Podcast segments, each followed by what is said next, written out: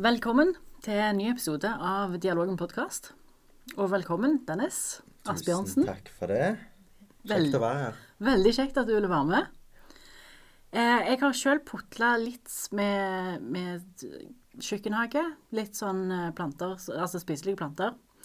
Men du har nå nærmest gjort det til ditt levebrød. Du nærmer deg i hvert fall. Jeg nærmer meg, det er riktig. Ja. Jeg ehm, trenger ikke jobbe 100 lenger på Nei. et sted. Nå kan jeg jobbe litt for meg sjøl. Med spiselig hage. Med kurs og foredrag. Eh, kunnskapsformidling. Det er veldig viktig. Så føler jeg samtidig at eh, jobben med spiselig hage er viktig. Det er bærekraftig, det er miljøvennlig, og det bidrar til en positiv retning, mener jeg. At folk lærer seg å dyrke mat hjemme. Absolutt.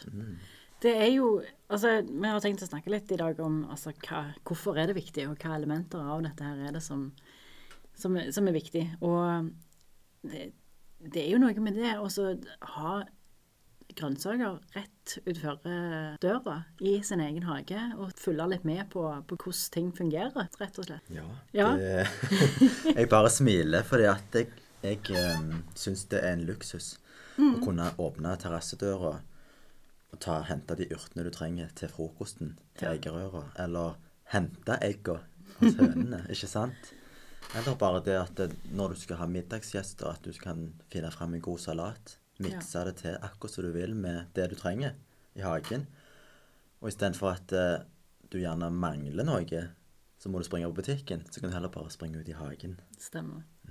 Jeg syns det er helt magisk det. Så hvis du skal bare lage til noe helt enkelt, altså en salat eller ei eggerøre eller et eller annet, og så bare det å hive egne urter oppi At du kan gå ut så kan du ta akkurat så mye oregano eller timian eller hva du måtte ønske, og så gjør det til en helt annen rett. Det er ganske fantastisk. Også det at eh, jeg har jo egentlig aldri kjøpt urter i butikk noen gang. Nei. Eh, men så måtte jeg gjøre det nå på grunn av Det var noe fotoopplegg til et prosjekt vi holdt på med.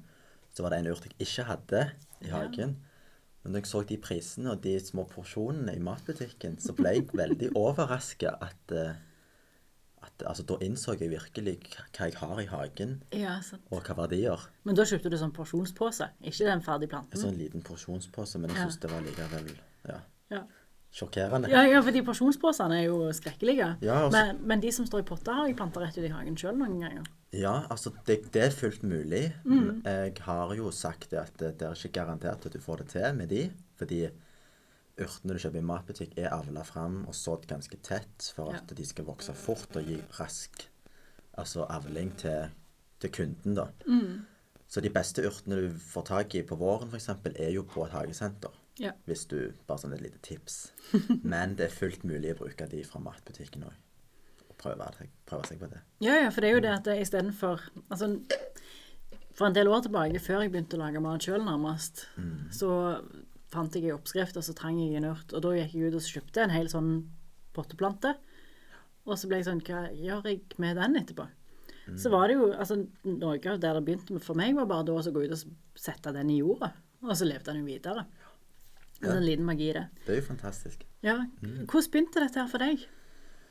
For meg så begynte det egentlig når jeg var ganske unge. For jeg likte alltid det å kunne høste ting. Plukke plommer hos pappa og mamma. Ja. Eh, plukke blåbær i hagen. Eh, så var vi gjerne ute i skogen òg og plukket skogsblåbær. Bare liksom alle disse små elementene fra barndommen med å høste ting og følelsen av å få det gratis. Det ga meg en på en måte gode, sterke minner. Og når jeg da var voksen, at jeg traff på en kollega i Stavanger kommune der jeg jobbet, som fortalte om hva hun gjorde hjemme i hennes hage med dyrking og alt, så ble du jo litt bitt av basillen. Mm. Så da henger du deg jo på med, altså med, med barndomsminnene på slep, da, rett og slett. Husker du hva planter du begynte med? I aller første jeg planta i Altså, det, jeg kan si det at jeg begynte jo å plante i hennes hage, kollegaen min. Jeg, for jeg hadde ikke hage, jeg bodde i en leilighet på Storhaug. Så jeg ble med henne i hennes kolonihage. Og så Da var det første jeg sådde, det var en pakke med grønnkålfrø. Ja. Eh, uten noen ting kunnskap eller erfaring, så bare kjørte jeg på, rett og slett, med hele frøposen i én liter potte eller pallekam. Og så det ble ganske tett. Ja. Så når de vokste opp Jeg hadde jo et inntrykk av at grønnkål var en type plukksalat. Ja, altså, så, så lite hadde jeg forståelse for. Eh, og så um, sier hun til meg at vi må nok fjerne en del planter fordi at de står for tett. Men da ble jo jeg litt sjokkert. Ja, Ja, men men- vi kan jo ikke hive noe. Nei. Så vi planta de rundt omkring i hele hagen hennes, så det var jo grønnkål overalt. Men den dag i dag så er grønnkål min absolutt favoritt grønnsak å dyrke. Det gir så mye uttelling, det er veldig sunt, og jeg bruker det til alt. Den seiler opp blant mine favoritter òg. Men nå må du fortelle de som hører på, hva, når du sier at du trodde det var plukksalat, hva viste det seg at grønnkålen egentlig var? Det viser seg at grønnkålen ble en ganske stor plante. Ja. Eh, og den kan stå faktisk talt over hele vinteren. Du kan høste under snøen. Ja. Altså, du kan høste bladene til jul. Du kan ha de til julemiddagen hvis du vil det. Altså, grønnkålen ble en stor, flott grønnsak. Um, Vi snakker et lite juletre her, i og både fasong og utseende nesten. og på våren, når du høster bladene oppover stilken, så er det som en liten palme til slutt. Ja. Sant? Så det, det var ikke noe plukksalat. Det var det ikke. Jeg husker jeg kom hjem seint på nattestid etter å ha vært hos ei venninne. Og så tok, tar jeg jo alltid en runde da, eller gjorde det da, en liten runde i hagen for å fjerne snigler. Brunsnigelen er jo en felles fiende her Ja. for eh, de fleste av oss. Og så tok jeg bare fram mobilkamera, nei, mobil eh, og så sveipa jeg over eh, kassene som jeg hadde stående da. Og når jeg da sveipa over grønnkålen, så glinsa det av den som om det var et juletre. For da var han så pirfodle i, grønne, i brune snigler at det Altså, ja. Så de glinsa jo i lyset og, og så ut som dekorkuler, nesten. Den vemmelige typen. Ja. Ja. Uff. Og da, da var det mange for det. det for ja, hva, hva planter har du i hagen din nå? Nei, altså det, Som jeg sa, så starta jeg jo i hennes hage på Storhaug. Eh, men det var den samme sommeren at jeg kjøpte mitt eget. Og bestemte meg at jeg må ha mitt egen der jeg kan gjøre hva jeg vil. Ja. Så da når jeg fikk mitt eget den, den um, sensommeren, da, så um, planla jeg å gå målretta og aktivt inn for å bygge en spiselig hage. Kult. Da, da skulle alt der være spiselig. Ja. Jeg kan gå ut og forsyne meg med hva enn som helst, hva tid som helst på året. Uh, så det eneste jeg ikke kan spise der nå, er jo egentlig gresset. Ja. Og så er det noe stauder. Men det, grunnen til at jeg har stauder, er pga. blomstene for humler og bier. Mm. Eh, og så én tuje som sto der på en måte fra før, som er litt store. Men ellers så er alt spiselig. Jeg kan plukke urter, frukt, bær, grønnsaker hele tida. Nesten hele året. ja. Er dette din hage, eller snakker vi kolonihage? Nå ennå? snakker vi min hage. Ja. Så der har det blitt en skikkelig spiselig hage. altså. Stilig. Hvor mye vil du si av kostholdet ditt som du henter fra hagen? Altså, Så, bare sånn omtrentlig, tenker ja, jeg. For omtrentlig så vil jeg si det at det er i hvert fall 75 såpass mye. Ja. Jeg er ikke vegetarianer, det kan Nei. jeg si. Men jeg må jo spise det jeg har i hagen. Ja. Jeg kan jo ikke dyrke det bare for å la det stå. Nei, sant? Sant? Så når det er poteter i sesong, så spiser jeg mye poteter. Er det plukksalat i sesong, så blir det mye det. Mm. Så du må nok tilpasse deg ut fra våren, sommeren og høsten, det du har i hagen, da. Så um, alle middager, alt tar hensyn til det som er i hagen. Sånn er det bare. Men det er kanskje det som frister mest òg, for det er jo en sånn glede å komme ut og så finne noe som er modent og klart og Det er det. Og så er det sånn at eh, gjerne hvis du skal i butikken, så skal du kjøpe deg en, en laksefilet, sant? og så vet du 'Å ja, men jeg har jo poteter hjemme', så Ja, så. da trenger du ikke kjøpe poteter. Nei. Og så 'Nei, jeg skulle hatt noe brokkoli til'. Nei, men det òg har jeg hjemme. sant? Det, det er veldig sånt. Ja. Og så er det gjerne at jeg går i butikken òg. Hvis jeg skal ha f.eks. noe ved siden av grønnsakene, da, så tenker jeg hva passer med den grønnsaken som jeg har Ja. i sesong nå. Hva passer med kålrabien, f.eks. Mhm. Så lager jeg noe ut ifra det. Spennende. Veldig enkelt. ja. Mm. Så du gikk målretta inn for å lage en kjøkkenhage. Det syns jeg er et ambisiøst prosjekt, da.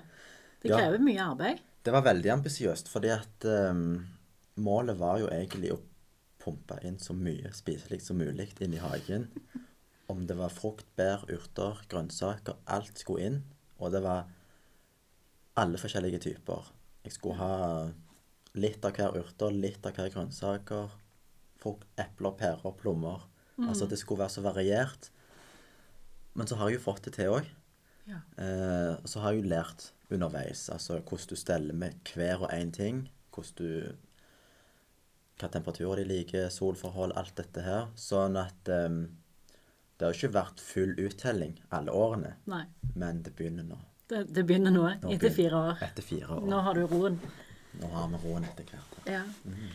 Eh, og, og bruker du mye tid? Altså bare jobbe i hagen? Jeg bruker en del tid på våren når du Ja. holder på å så alle frøene, for det tar jo mye tid. Fylle én og én og én liter potte med jord, Ja. så skal du plante frøene, og så skal du gi dem nok temperatur og lys. Og det er det jo alltid mangel av tidlig på våren. Ja. Eh, og det blir ganske mye, for det blir fort 40 tomatplanter, og så blir det 10 agurkplanter. altså, jeg klarer ikke å begrense meg. Og så klarer vi ikke å hive dem heller, for de, de har jo vokst opp og blitt store og sterke. Nei, det, hvorfor skal vi hive noen? Så det blir veldig mye, og så skal alt dette vannes. Det skal gjødsles, det skal stelles, det skal Ja. passe på at de ikke får småfluer som går og plager de, og alt dette her. Sånn at det, på våren går det mye tid. ja. Med en gang jeg har planta ting ut, så går det litt tid på å passe på akkurat når de er bitte små. Med en gang de har fått slått røtter og etablert seg i dyrkekassen utendørs, f.eks., så går det mye mindre tid. ja. Så en gjennomsnittlig sommerdag, eksempel, så er det en halvtime egentlig med stell. Bare litt vanning og Ut og kose deg, rett og slett. Ja, det er Ja. viktig, det. Ja, men det er jo det. Og så Ja, for min del så har det jo vært mestringsfølelsen når jeg da har fått det til.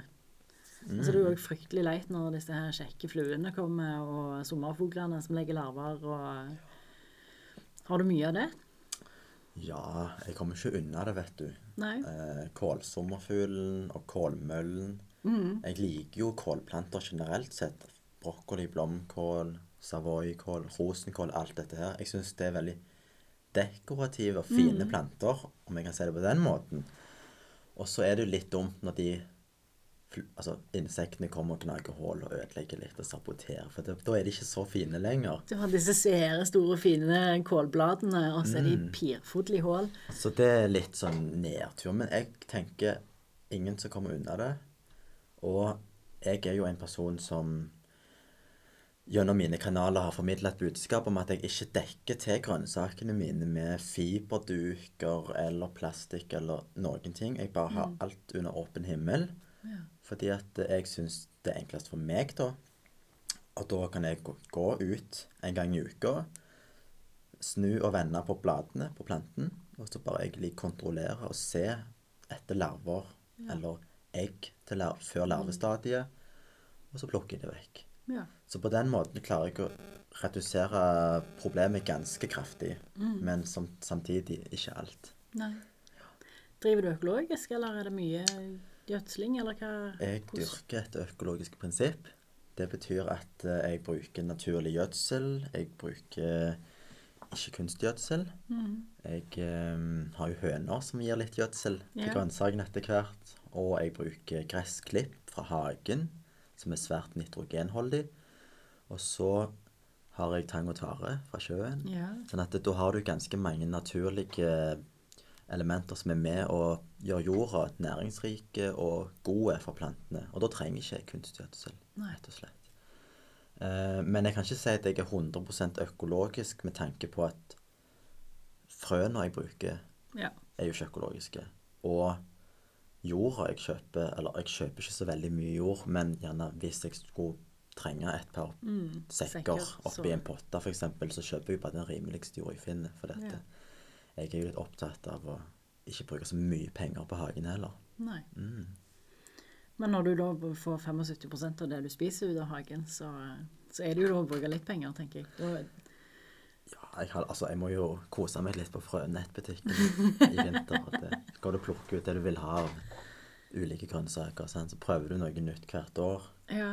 Litt med fargerike grønnsaker og litt sånn spesielle sorter som du ikke finner i matbutikken. Det er jo litt kjekt. Det er veldig gøy. Jeg hadde noen tomater jeg, som vi, vi drev og bygde på huset. Og da ble de flytta rundt omkring i huset utover høsten. De døde jo aldri, og de fortsatte å gi frukt. Så de sto til å begynne med på verandaen, så ble de flytta inn i stua, så ble de flytta ned på kjøkkenet, så ble de flytta ut i gangen. Og så, ja, så det, men tomater bar de hele veien. Ja, det er fantastisk. Det det er kjempestilig. Så jeg ser du smiler. Ja, jeg storkoser meg med det. det er Eh, Det er veldig gøy.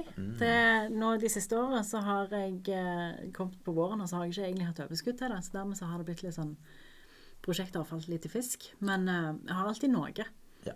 Så nå er snart Jeg har noe løk som snart er klart for å høstes. Skane Skar ned tomatplantene her en dagen fordi jeg hadde vært litt dårlig på å vanne de. Fort gjort. Men da, så nå, men vi kom til september, så da tenker jeg at de tomatplantene hadde ikke levd veldig mye lenger allikevel. Så squashen og tomatene de står ute, da, så de står ikke i drivhus. Ja. Men sånn er det jo. med- Det er jo september, vet du, og vi må innse at høsten snart kommer. Ja. Enten vi vil eller ikke. Det er litt kaldere på vinteren og sånn. Og tomatplanter er- denne typen var ikke veldig uh, værharde. Så så jeg tok av det som var, fulgte opp et par skåler med tomater og, og klipte ned resten. Så er vi ferdig. Ja, så er jeg ferdig med det. For, altså, men hva har kjøkkenhage betydd for deg? For jeg syns jeg leste en plass at det, det var noe nærmest terapeutisk i dag for deg. Det å starte opp og Ja, altså det som er Det er bare å ha en kjøkkenhage. Og ha muligheten til å plukke, eller stelle med, eller grave i jord for den slags skyld. Eller bare det å liksom gå ut og så se på det du har i hagen. Det er Jeg syns hver og en grønnsak er unik. De har sitt preg. Et kunstverk i seg sjøl, mange av tingene. Og det, det gir en vanvittig glede å bare se på grønnsakene sine. At dette her er noe jeg har lagd fra et frø.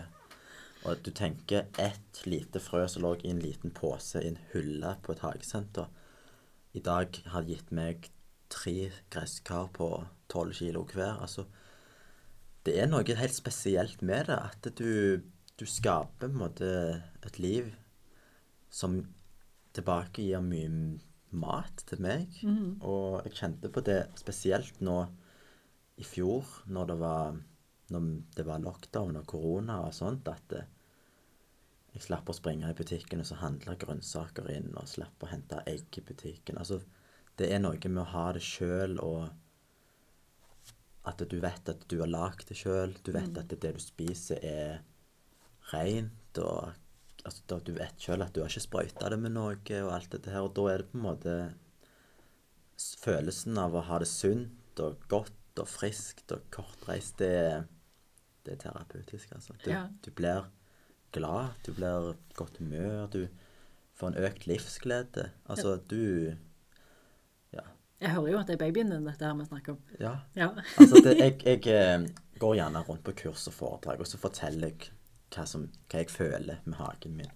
Og hva glede høner og grønnsaker gir meg. Sant? Så begynner folk å le, vet du. Fordi at det, de, de syns jo det er så spesielt at en person på, som egentlig kommer fra Stavanger og by, sentrum, uten noe erfaring og kunnskap med grønnsaker og høner og stell av husdyr, plutselig brenner sånn for dette og blir så glad. og så, altså De ler jo bare. De tenker 'Er det mulig?' Ja, men det er jo det som er så deilig, når folk finner noe som de brenner for, som engasjerer de, og som får fram den entusiasmen.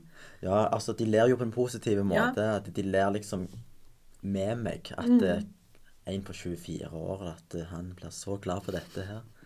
Så sier jeg det til dem at eh, gå hjem, plant det dere kan av grønnsaker. Enten det er litt i kjøkkenvinduet bare, eller om det er på balkongen eller i en hage.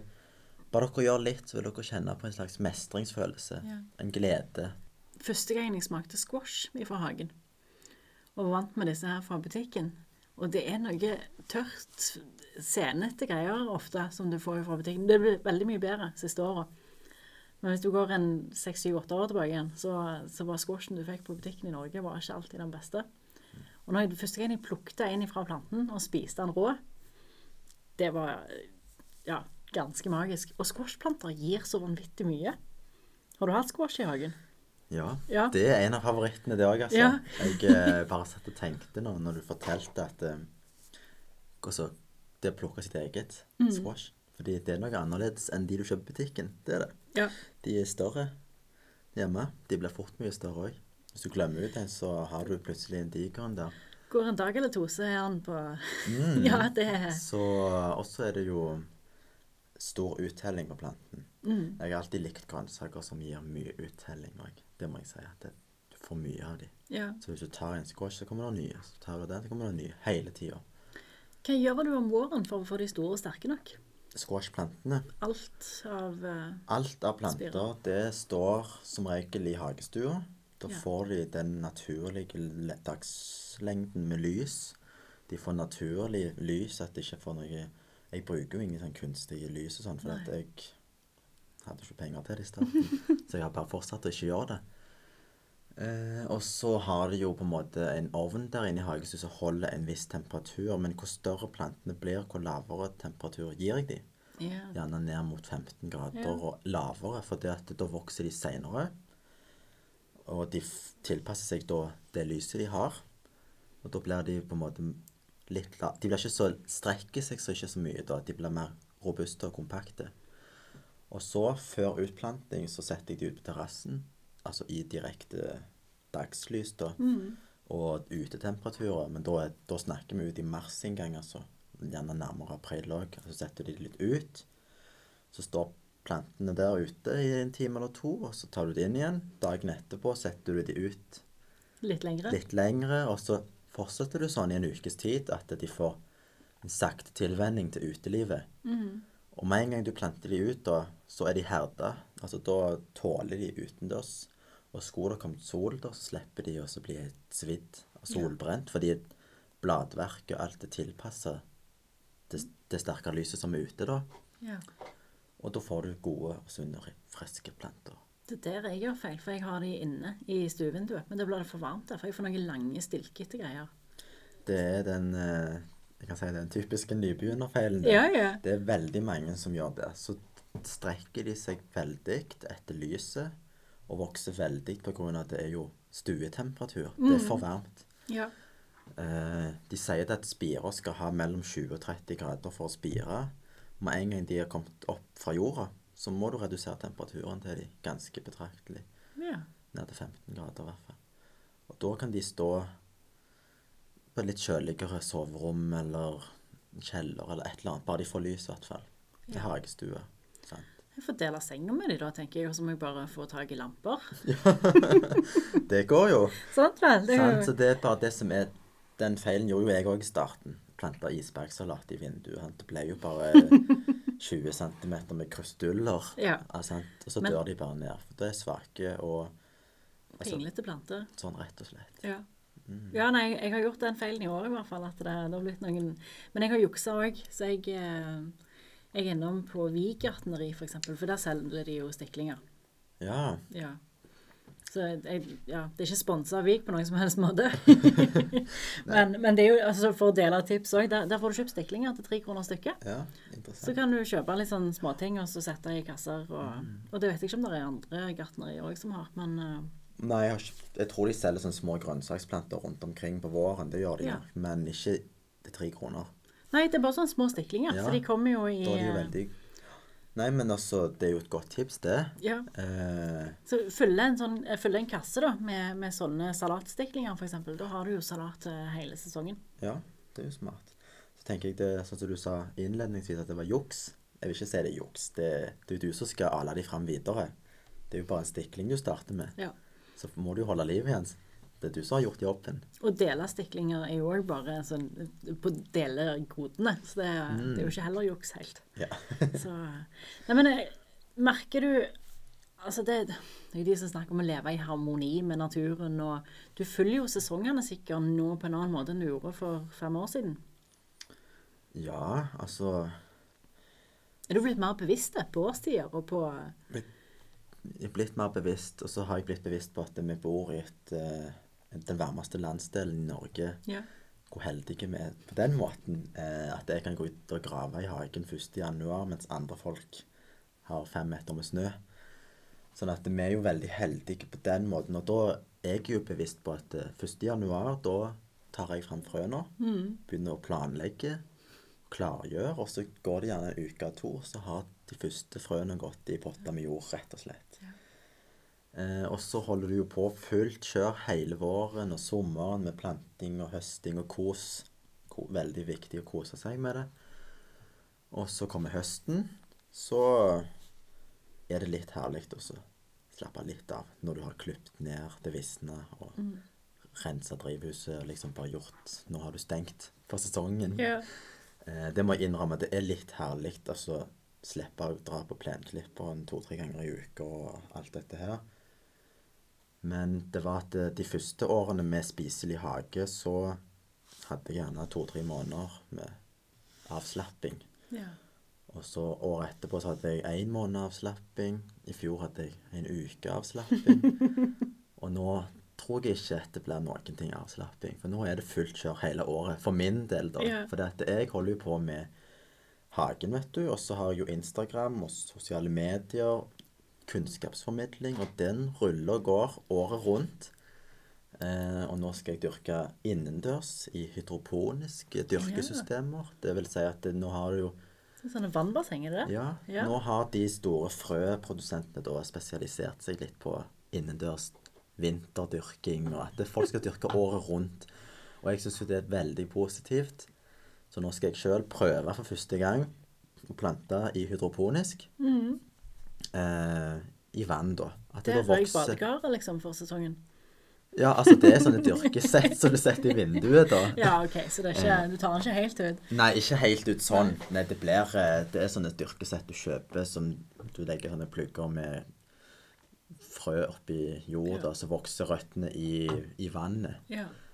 Så det, det gleder jeg meg til å prøve. Men da holder du jo på vet du, året rundt med salater Ja. og basilikum og urter, så det er jo kjekt. Hva drar du opp av jorda nå i september? Eller henter ute? Det er jo ikke alltid det er jorda. Nå er det jo Jeg har jo vært veldig forsiktig med å ta så mye i år, fordi at eh, vi har jo tatt mye fotografier av hagen i år. Eh, det har blitt litt mye bilder og mye sånn at eh, Å nei, jeg kan ikke høste de potetene nå, for nå kommer de og tar bilde neste uke. Ja. Eh, så holder jeg jo på å jobbe med en bok, så vi har jo hatt fotografer hele tida. Men jeg kan si normalt sett, da, så ville jeg jo hatt litt mindre å høste nå i september enn i august. Normalt sett så ville jeg jo tatt opp ganske mye i august, men nå har jeg jo egentlig alt nå.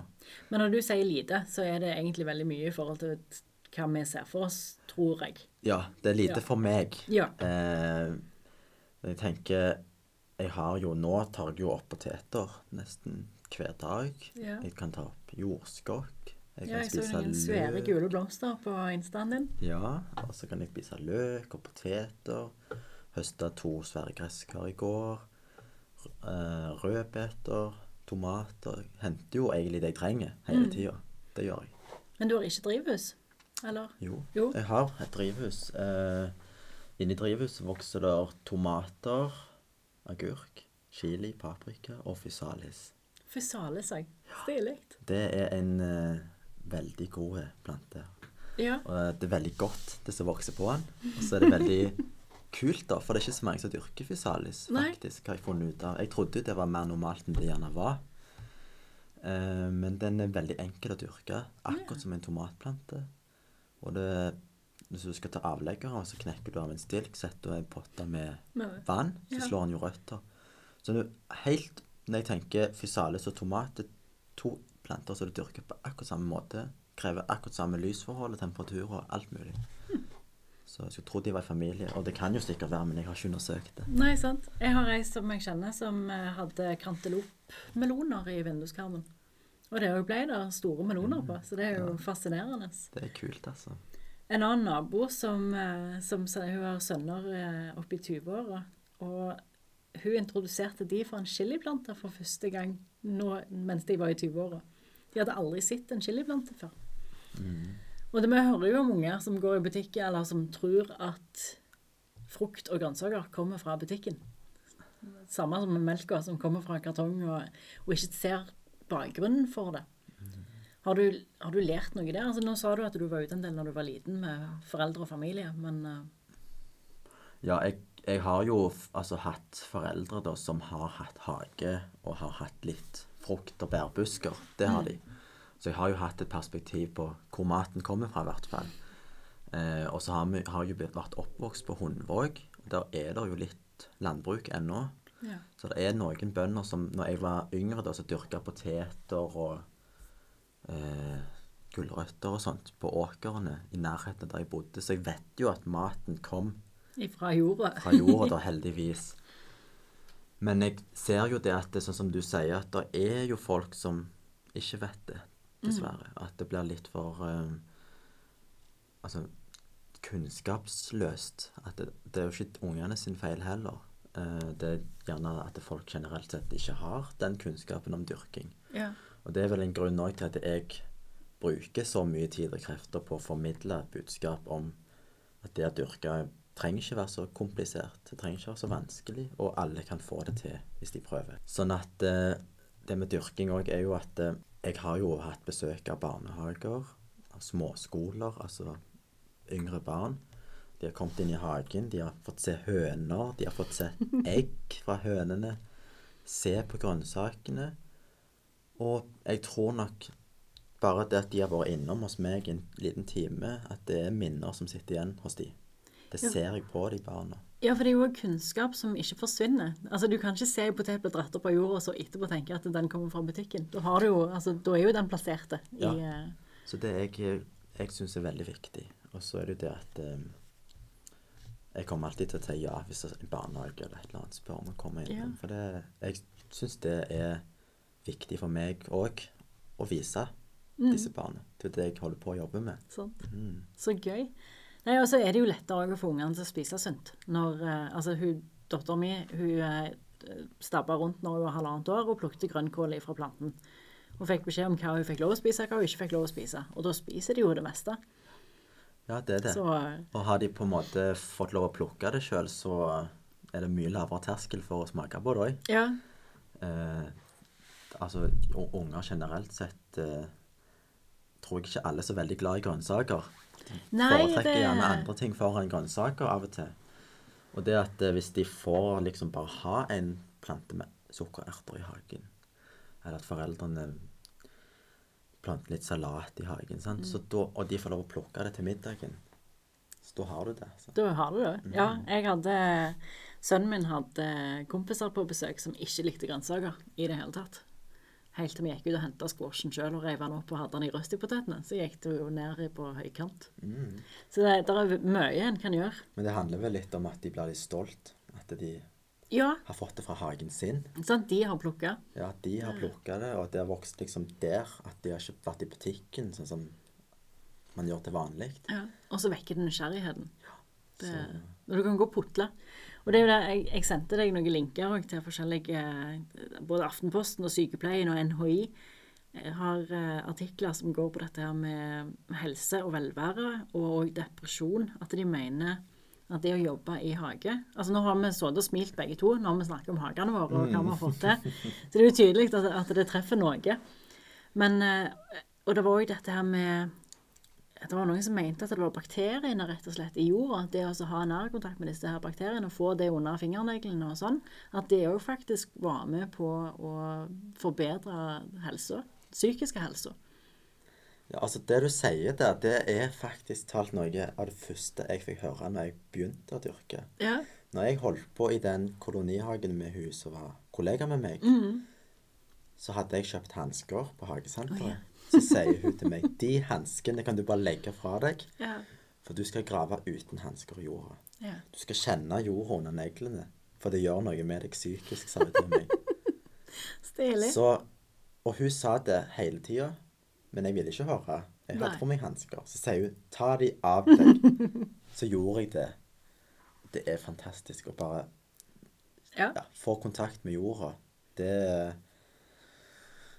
Det virker gjerne litt fjernt for mange når vi sitter og snakker om dette, men det, jeg syns faktisk talt det har en effekt. ja. Men det er studier som viser det òg. Altså, det har med bakteriekulturene og, og hvordan vi da på en måte får de i oss på forskjellige måter. Og, ja, så det, Så så er det jo veldig da Da er jo det helt perfekt For når jeg formidler et budskap om at det å dyrke skal være billig og enkelt, så sparer du jo penger på hansker, da. Sånn, vel? De 30 kronene de kan du nå spare, så bruker du på frø istedenfor. Herlig. Sant? Det er Jeg har jo sett også litt på, på litteraturen når det gjelder hager. For det er så, i og med at det er så mange som finner glede i det, så, så dukker det opp i litteraturen òg underveis. I Shakespeare, eksempel, eh, har man den første som brukte uttrykket og at hagen går i frø. Kan du forklare hva det vil si at hagen går i frø? Skjønner du det uttrykket? Jeg har aldri hørt. Har du ikke? Men du vet tid en plante går i frø? ja. Ja, så det Når han har blomstra ferdig, så blom danner de frøkapsler. Ja. Eh, sånn at jeg har jo hatt f.eks. koriander som har frødd seg sjøl i hagen. Grønnkål som har frødd seg i plenen. sant? eh, så det er jo bare Og det du mener nå, er at de står, de blomstrer, og så blir det frøkapsler, og frøkapslene ramler ned på bakken igjen, og så vokser det opp nye planter. Ja. Jeg må forklare, liksom. For dette, jeg merker når du sier det, så er det sånn Dette visste ikke jeg for en stund tilbake. Dette var for ikke veldig lenge siden ny kunnskap for meg òg. At eh, å ja, hvis gulrota bare ikke blir tatt opp av jorda, så dannes det blomster på, så kommer det frø. Så nei, Shakespeare bruker det faktisk om, eh, om Hamlet, eller om en person, så sier de at han hans hage går i frø, og det er liksom en symbolikk da, på at han ikke bare har blomstra, men òg avblomstra, og så er han eh, blitt litt galen og går i oppløsning, nærmest. Så det, det er mye rart. Ja. Eh, I Romeo og Juliet, eksempel, der er hagene eh, mura inne og utilgjengelige. Så der er det bare noen få som eh, slipper til. Og vi kjenner jo historien om Romeo og Juliet, som ikke fikk hverandre for ja. mm, Eh, I Charles Dickens og Nicholas Nickleby så er det en fyr de blir så sinte på at de kaster agurker etter han. Hjemmedyrka agurker. For å understreke hvor vanvittig irritert og sinte de er på han. Hadde du klart å hive agurkene dine etter en mann fordi du var sint på han? Nei. Hvor sinte måtte du da Da være? måtte du vært veldig sint, altså. Det, skal mye til for å kaste min egen mat vekk. Sant vel? Så, og det her er jeg i eh, ja, på Charles Dickens i tid, der eh, det var ikke så mye mat rundt omkring, og ja, vanskeligere å få tak i. Eh, Jeg pleier alltid å dra inn en filosof i dialogen. Med Michel de Montagne blitt en sånn guru, nærmest. Han blir dratt inn i hver eneste episode. Og han sier det i den ene, ene essayet sitt. I want death to find me planting my cabbages, but careless of death and still more of my unfinished garden. Så han liksom sier det at det venter på at Eller håper at døden en gang inntreffer mens han står midt i planlegginga og midt i plantinga av, av grønnsakene. Ja, det er den beste plassen å dø. For da, da du, du er midt i noe, du vet at ting fortsetter. Og, ja. Det er fint, da.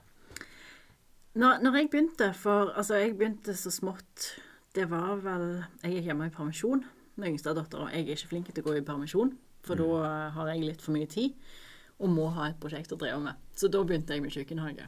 Det, det er nå snart ni år siden. Og da var det Det ble liksom litt uglesett, det å ha kjøkkenhage. Da var jo jeg ca. på din alder, altså ja, så gammel som du er nå. Eh, men for min del så Og, og da var det kanskje litt vanskeligere da å finne frø enn det det er nå. Men det ble sitt, sitt på som veldig spesielt. Nå er jo jeg litt sånn sær og får meg sånne sære interesser og, og hiver meg ut i ting. Så det var jo en del som Å ja, Anne Liv kom med nytt prosjekt. Men det ble sett på som litt sært. Spesielt. Ja, sant. Men, men jeg klødde meg jo litt i hodet, for at vi har reist veldig mye i Italia. Og der har jo alle sammen sin egen lille kjøkkenhageflekk. Uansett hvor liten hage du har, så har du et lite område der du har plass til grønnsaker. Men hva var grunnen til at det var, du ble litt uglesett i Norge, da? Hvis du tenker hva kan være Hva hva kunne årsaken vært til det? Er det ikke alltid litt sånn å skille seg ut og gjøre ting som få andre gjør? Det var ikke så mange som dyrka før. Eh, Det er jo blitt en trend. Ja. Ja, det er jo blitt jeg- mer populært. Jeg følte gjerne at den eldre garde har alltid på en måte hatt noe i hagen sin. Ja, det varierer, tror jeg. Mm. Det var ganske nytt for meg, men det var jo litt Ja. trist å høre på en måte. Men det er allikevel veldig positivt at det har tatt en annen retning. Ja, absolutt. Eh, sånn at, eh, For det, mitt inntrykk fra jeg begynte å dyrke, var at det, det var en økende trend Mm. hele tida. Som gjerne ble òg forsterka under koronapandemien. Ja, folk uten hjemme. tvil. Jeg registrerte jo folk som alle skulle begynne å dyrke på den Mm. tida. Frøbutikkene gikk jo tom for frø. Ja. Hagesentrene sa det var helt enormt. Altså Grønnsaksplantene føyk ut av hullene. Jeg har vært på, på besøk på flere gartnerier og bare hatt en prat med dem angående dette. Og de sier det at eh, de klarte ikke å produsere nok grønnsaksplanter, tomatplanter, i 2020. Nei, sant. Fordi alle skulle ha. Uh, og de sier at trenden har ikke avtatt ennå. Og jeg tenker også, sånn som hvis du ser til nabolandet Sverige, så har de alltid hatt en god vekst og trend for odla, altså odling, dyrking. Eh, og jeg tror nok Norge kommer etter Sverige nå. At det, Ja. når du først har investert i et drivhus, du har investert i pallekarmer, jord, eh, hansker Altså du har lagt energi og krefter i å lære deg dette her, så jeg tror ikke folk legger det på hylla.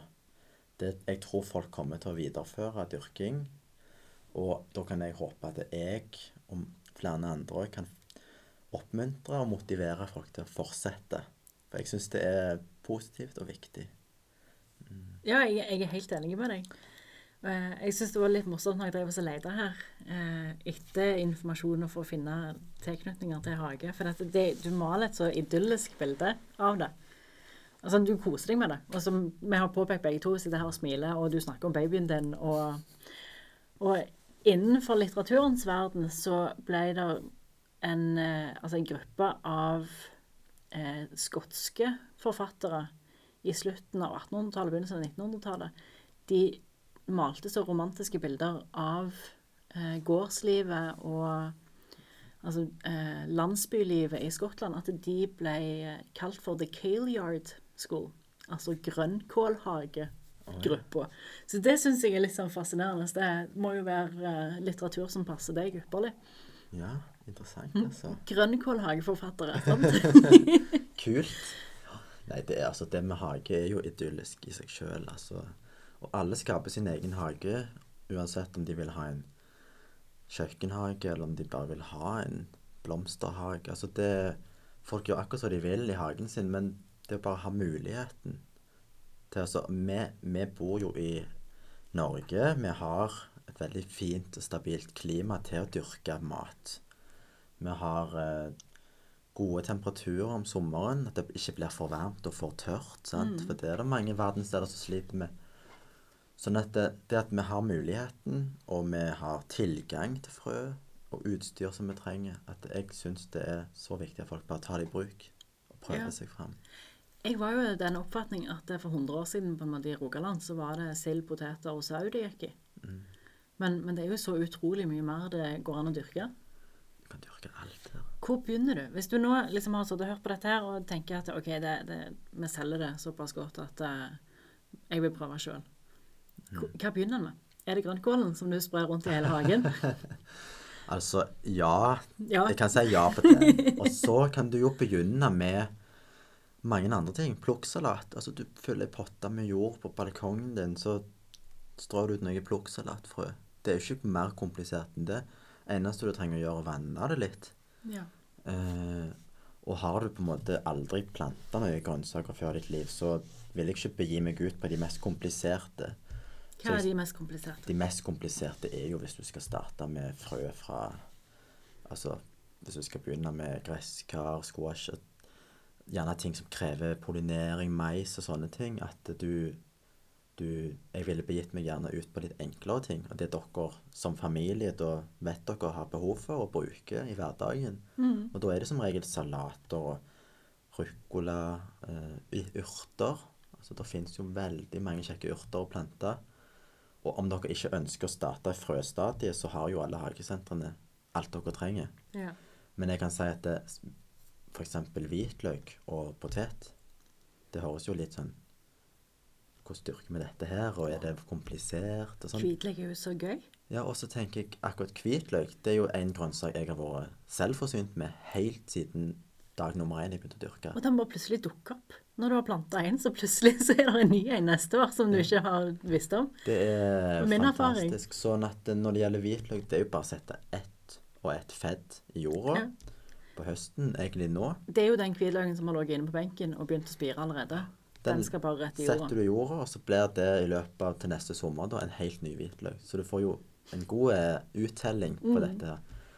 Og så kan du bruke dine egne fett år etter år etter år på å plante de på nytt og Ja. nytt og nytt. Sånn at eh, hvitløk er veldig enkelt, og poteter på våren setter du en potet i jorda, så venter du tre måneder, så er det ti nye der. Ja. Det er ganske fantastisk. Det er jo magisk. magisk. ja, Altså, du føler deg som en liten trollmann eller trolldame når du holder på, vet du. Så Nei, poteter og hvitløk og salat og urter, det vil jeg starte med hvis Ja. Gjerne litt sånn ting dere faktisk bruker òg. Dere vet dere bruker salat til tacoen. Sant? Så det er lurt. Jeg, eh, du, en får jo en del kunnskap om dette her når en holder på òg. og det er hovedsakelig positivt, aller mest er positivt. Men jeg leste en novellesamling en gang. Og hun som skrev denne, beskrev en mann som hadde tomatplanter eh, på balkongen. Og så var han ute og pollinerte disse tomatplantene. Der han gikk ifra han og hublomstene. Så nå ble du òg skeptisk. ja. Og det ødela hele boka for meg. Jeg var sånn, ja, men det, nei, du kan bare riste forsiktig i tomatblomstene, så sjølpollineres de. ja. Ja, nei, det er jo det som Nå ble jeg litt overraska. Ja, sånn. Jeg kunne ikke lese videre nesten i den boka. Jeg ble helt sånn Nei, men dette stemmer ikke. Det er han og hublomster på squashplanten, det vet jeg. Men Men tomater er sjølpollinerende. Du bare rister på dem. ja. Mm. eller et lite vindpust, så er det gjort for deg. Det, I hvert fall hvis det vokser utendørs, på en måte. Da har du jo hjelp av naturen igjen. ja. Mm. Nei, det er mye. Det er mye gøy. Mye spennende. Eh, Hvis du vil begynne å dyrke grønnsaker eller urter, så bruk sosiale medier. Søk opp hageprofiler, de som dyrker mat. Gjerne folk som har gjort det. For de deler mye gode tips. Og så må jeg kanskje nevne dine en gang til. F.eks. Spiselig hage. Ja. Eh, gå, bruk nettsider. Spiselighage.no. Der har jeg lagt ut opptil 70 ulike spiselige vekster. Hvordan du dyrker disse her. Steller med de, høster de. Alt de krever av næring og jord. Fantastisk. Sånn, Så her er mye av jobben gjort allerede. Så det er det at eh, jeg prøver å formidle det gratis og enkelt til alle. Så jeg håper folk tar det i bruk og setter i gang. Nydelig. Mm. Veldig kjekt. Jeg håper mange blir inspirert og har lyst til å prøve seg. Spiselig hage er på Instagram, sier du. Spiselighage.no, hjemmesida. Er det flere plasser? Og Facebook Og på hage. Facebook. Yes. Så bra. Tusen takk for at du ville være med. Kjekt for jeg fikk lov å komme. Det var veldig koselig. I like måte. Takk for praten.